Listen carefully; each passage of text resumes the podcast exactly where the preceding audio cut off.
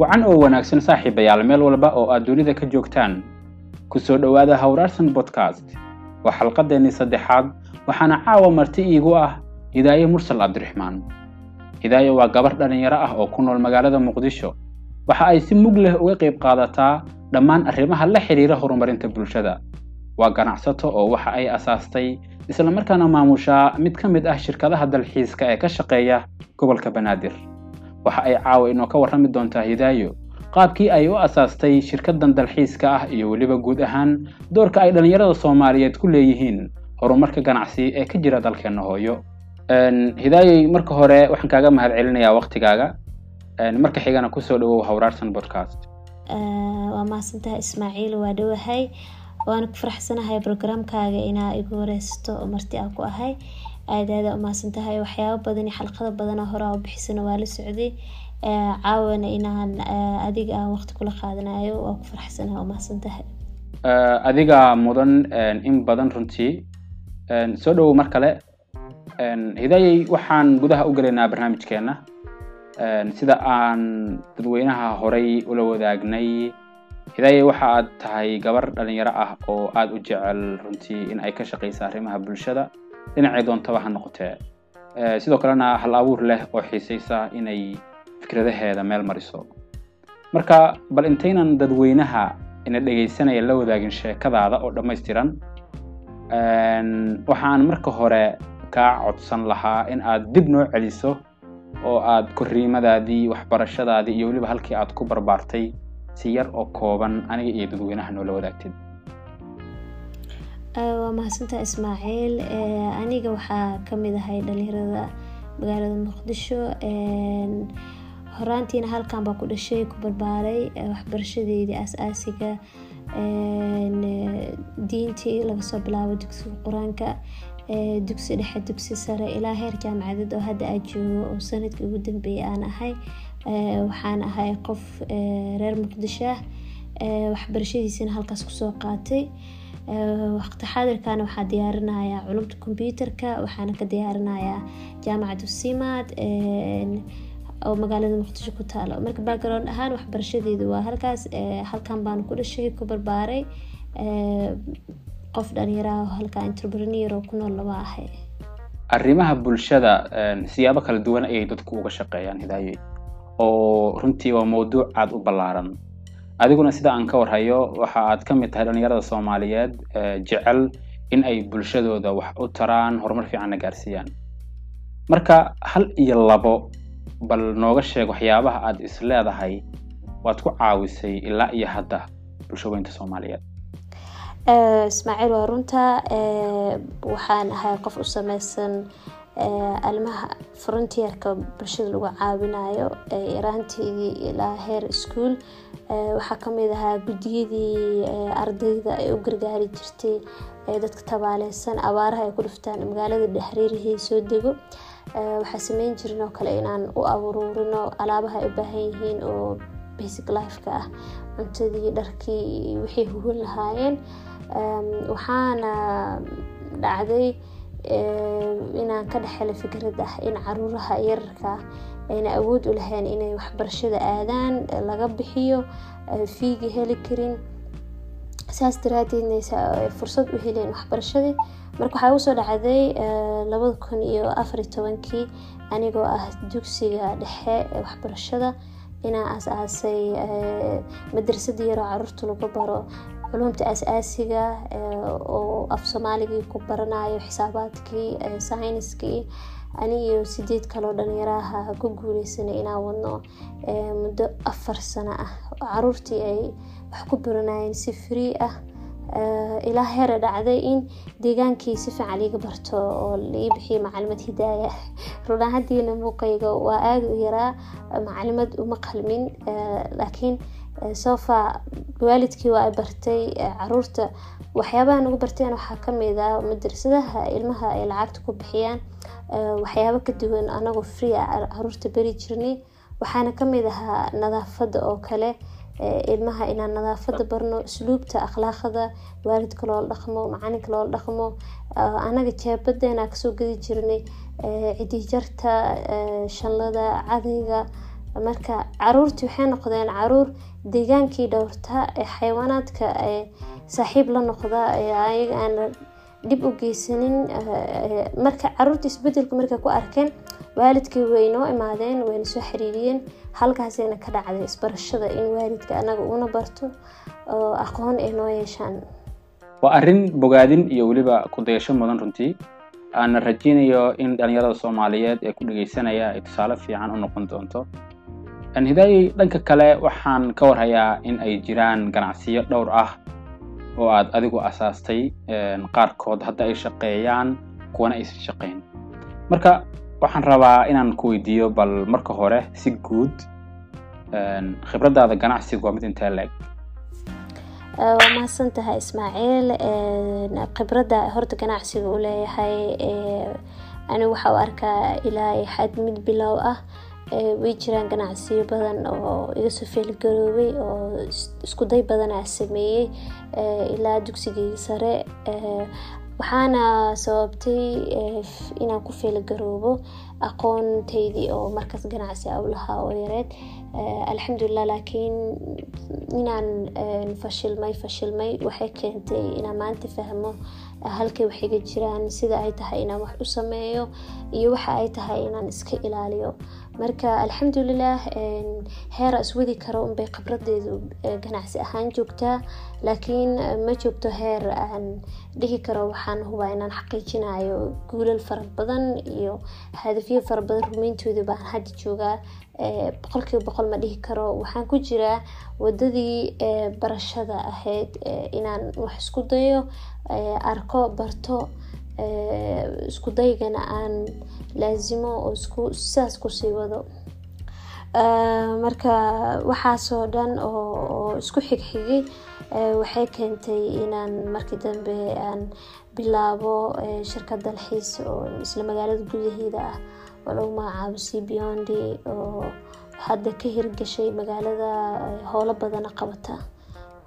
Waan gartay isku dayadaas faraha badan ee aad samaysay akhirkii waxaad ka gaartay guul sida muuqata oo waxaad ku guulaysatay in aad ugu dambeyn dhidibada u taagtid shirkadan aad hadda carabka ku dhufatay ee magaceedu uu yahay cbion bal wax nooga sheeg qaabkii aad ku asaastay iyo weliba waxyaabaha ay qabato shirkadani.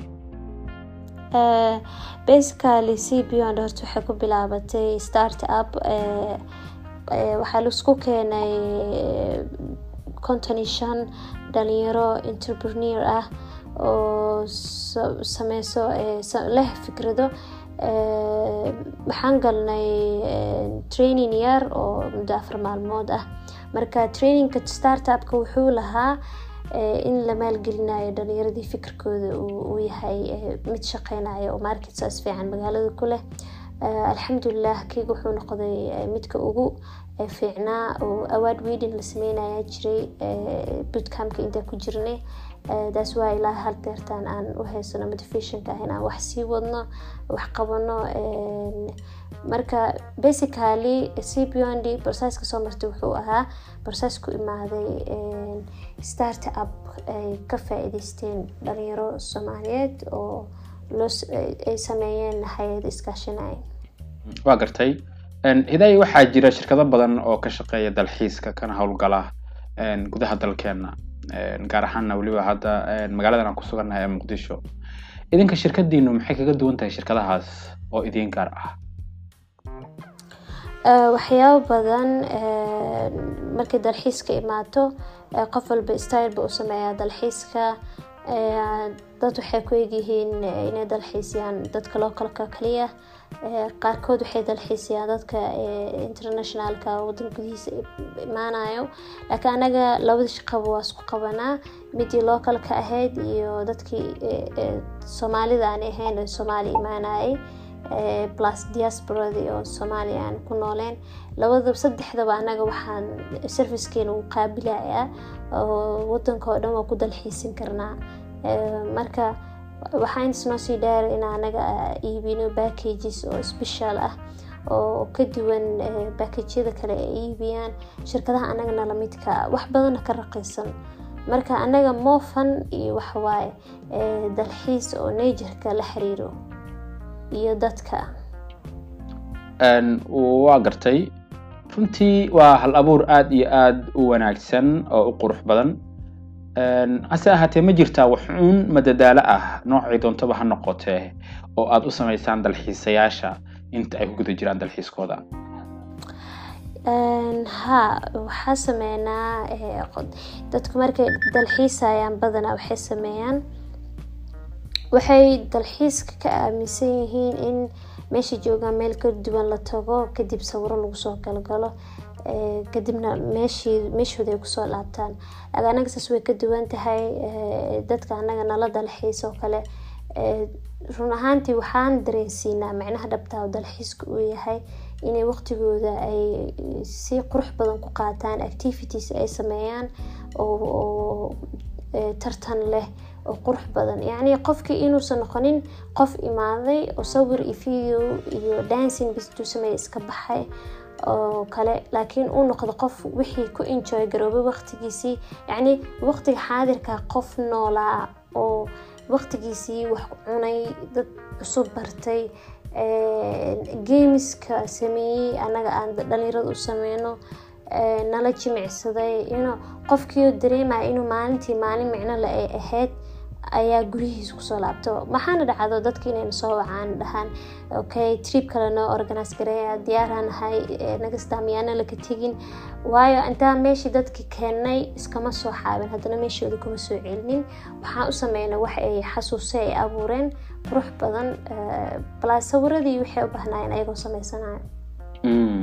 Xaqiiq waa hubaa qofkii intaas loo sameeyo in uu xusuuso fiican meeshaas kala soo tegayo hidaayay sanad cusub ayaynu ku guda jirnaa oo weliba hadda bilow ah.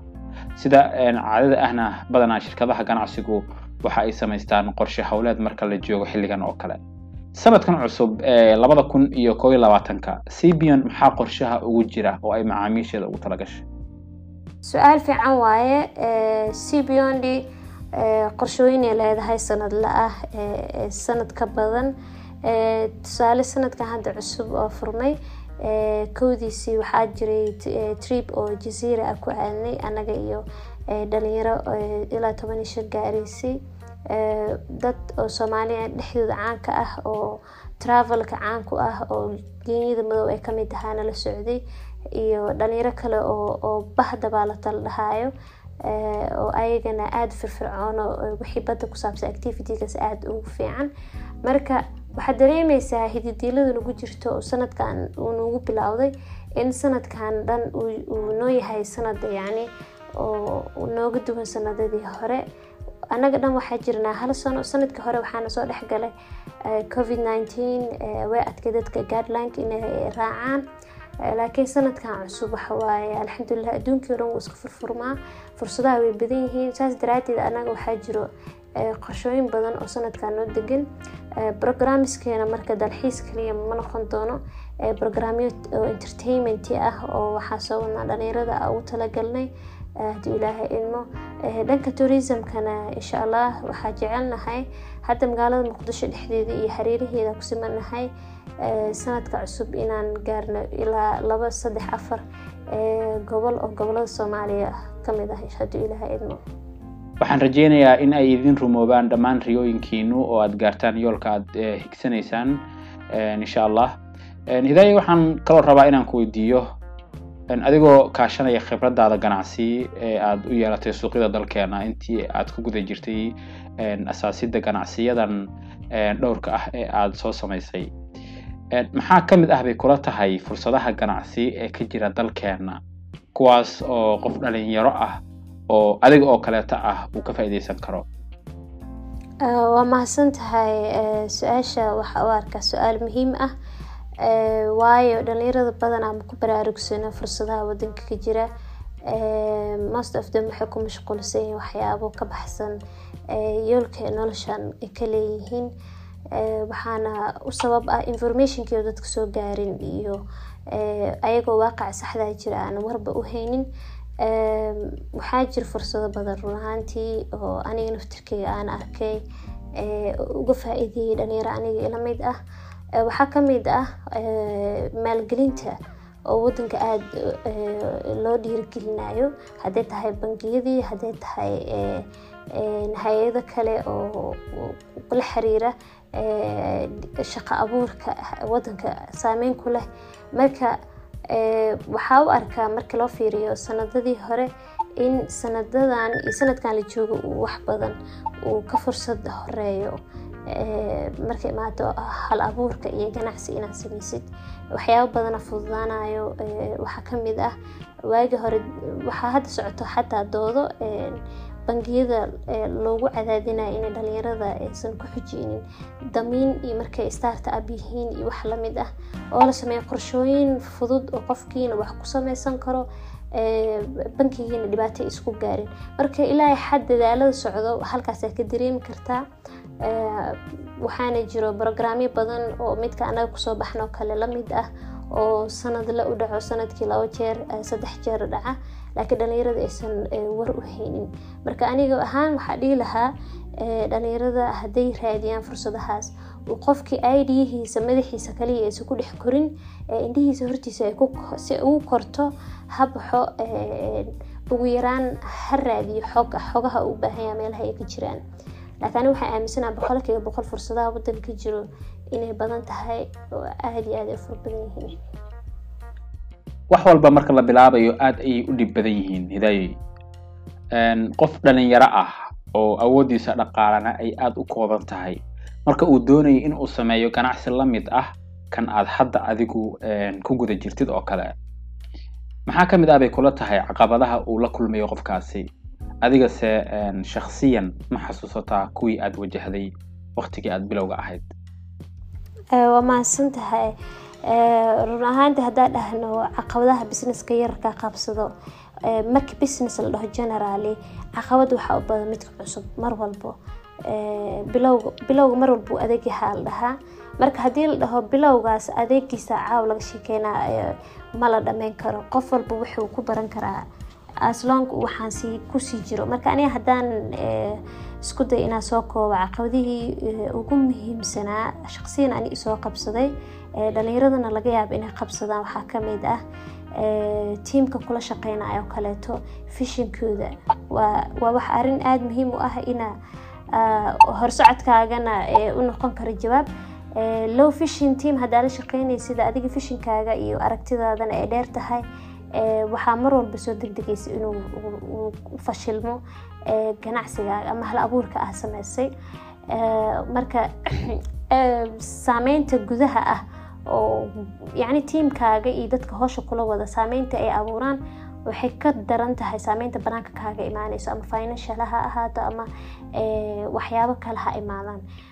Qodobkaas marka aniga qof walba waa kula talin lahaa inuu aada uga fiirsado cidda la shaqeyneyso. Qodobka labaad waxaa ka dhigi lahaa qofka inuu asaga wax isbaro waxa uu ka shaqeynaya inuu aqoon u leeyahay dadka badanaa waxaa dhacda in fashil ku imaado ganacsigooda sababtoo ah waxay sameynayaan aqoon ballaaran uma laha ayaga isma barin. Maantana waxaa ognahay waxyaabaha la kasbado inay aqoonta aada u sahlan tahay oo wax walba online ay yihiin oo just click ay kaa xigto. Marka waxaa muhiim ah businesskaagii wuxuu feelgarooba adigoodan dareemin waay u feelgaroobay sababtoo ah creative way uma sameyneysid macluumaadka cusub iyo dadka businesskaaga oo kale adduunka ee leh maxay sameynaya? Lama socotid waana waxyaabaha qofka asagoo oo confused ah uu businesskiisa ku feelgaroobay ka mid tahay ugu waaweyn. Caqabadaha kalena waxay noqon karaan waxyaabo adiga oo negativity isku abuurtid. Waa sax caqabadu imaaneysaa laakiin haddaa maskaxda ku haysid wax walba inay xal leeyihiin waxaa laazima inaa ka gudbaysid caqabadii kugu imaatay. Marka waxaa leeyahay just fikradaha maskaxdaada ku soo dhacaayo ee qaldan iyaysan ku jibinin qofka naftirkiisa asagaa iska bilaabi kara in wixii ay fashilmaan. Hadduu maanta la kulmo qof u arko inuu ka aqoon badan yahay waxa uu sameynaya kaga aqoon badan yahay u soo tala doonto qofkiina ku dhaho ino wado khaldana ku socotaa market kuma furna sidan waay. Laakiin qofkan asaga fikradii abuuray uu arko hab ka duwan oo unique ah oo loo baahan yahay inuu lahaa laakiin qofkii kale khibradii iyo wixii generaly all divisionka uu lahaa uu kaa siiyo talo adigii waxaa isku abuuraysaa shaki. Marka qofka badanaa waxyaabaha dilo dadka waxaa ka mid a shakiyada ayaga isku abuuraan inta processka u socdo. Marka waa mahadsan tahay saddexdaas qodoba ugu waaweyn wixii intaas ka badan hadduu qofku inuu xakameeya isku dayna. Waxaa aaminsanaya inuu ganacsigiisa hore u socon karo. Waa gartay hidaayey waxaa la sheegaa in toddobaatan boqolkiiba dadka soomaaliyeed ay yihiin dad dhalinyaro ah. Waxa iyana la sheegaa lixdan iyo afar oo ka mid ah dhalinyaradaas in ay yihiin shaqo la'aan.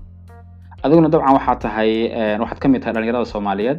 Marka maxaa sababay bay kula tahay shaqo la'aanta baaxaddaas leeg ee haysata dhalinyaradeenna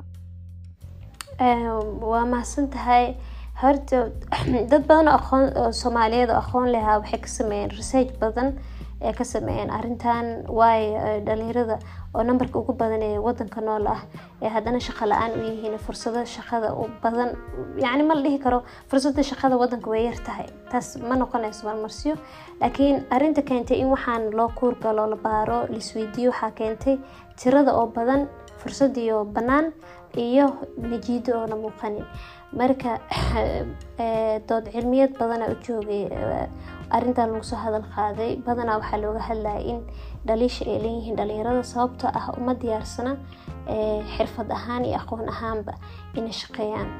Qofka waxaa laga yaabaa inuu jaamacad soo dhameeyey laakiin uuna shaqo hayn sabab kale waaye oo dadka shaqo la'aan u yihiin sababtoo ah qofka ma rabo inuu meel hoos asoo ka bilaabo ay la arko ama wax isku dayo la arko wuxuu ka jecelaya inuu hal mar xafiis fadhiisto hal maalin.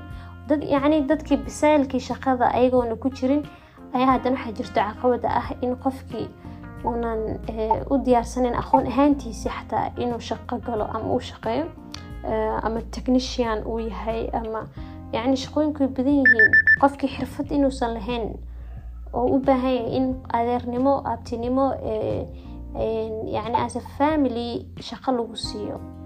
Waana sida badanaa inta shaqaysana ay ku shaqayso marka waxaad leedahay xirfad yarida dhalinyarada haysata baa shaqo la'aantana u keenta baan u fahmay. Xirfad yarida iyo iyo sidoo kaleeto qofkiiyo bisayl shaqa isa ku jirin oo shaqadii bisayl badan aan u lahayn. Waa gartay. Ilaahay waxaan ku sii siqaynaa gabagabadii barnaamijkeena waxaan rabaa inaan ku weydiiyo sidoo kaleeto. Qof dhalinyaro ah oo maantay hamiga kugu jira oo kale uu ku jiro hase ahaatee weli aan tallaabo hore u qaadin oo laga yaabo in xoogaa aanu ilaa intaas dhiiranayn hase ahaatee jecel inuu ganacsi isaga u gaara samaysto. Maxaa kula talin lahayd isagana. Horta talada ugu jeclaa inaa maqlo baa kula talinaya maantay taasoo ah ha ka baqin haddii aad fikrad leedahay waxaa ka fiican tahay dad badan oona weli fekerin oo isku dayinba inay fekeri karaan xataa aan isku haysan. Marka haddaad fikrad leedahay ha ka baqin in fikradaada laga qaato iyo in adiga ay saameyn kuu keento. Waxaa jiraan xarumo u diyaarsan inay ku tababaraan ku maalgeliyaan.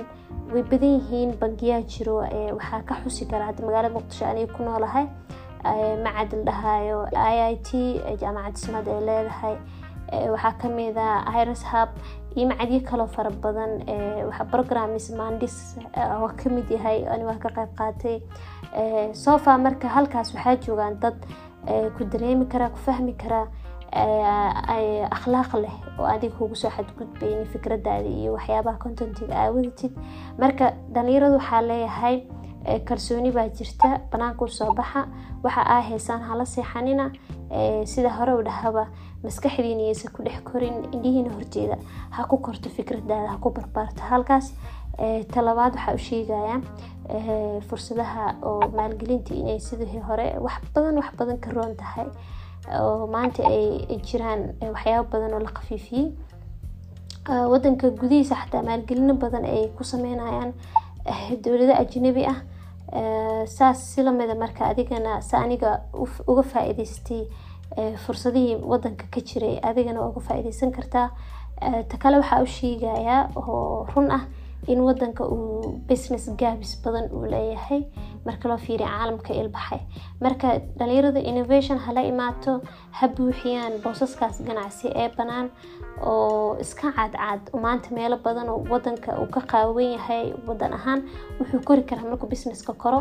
Marka dhalinyarada waxaa dhihi lahaa fursadaha suuqa ka banaan xataa naftirkooda aada u fara badan yihiin ha ku sameeyaan cilmi baaris hala imaadaan naf ahaantoodana ha iskaashadaan.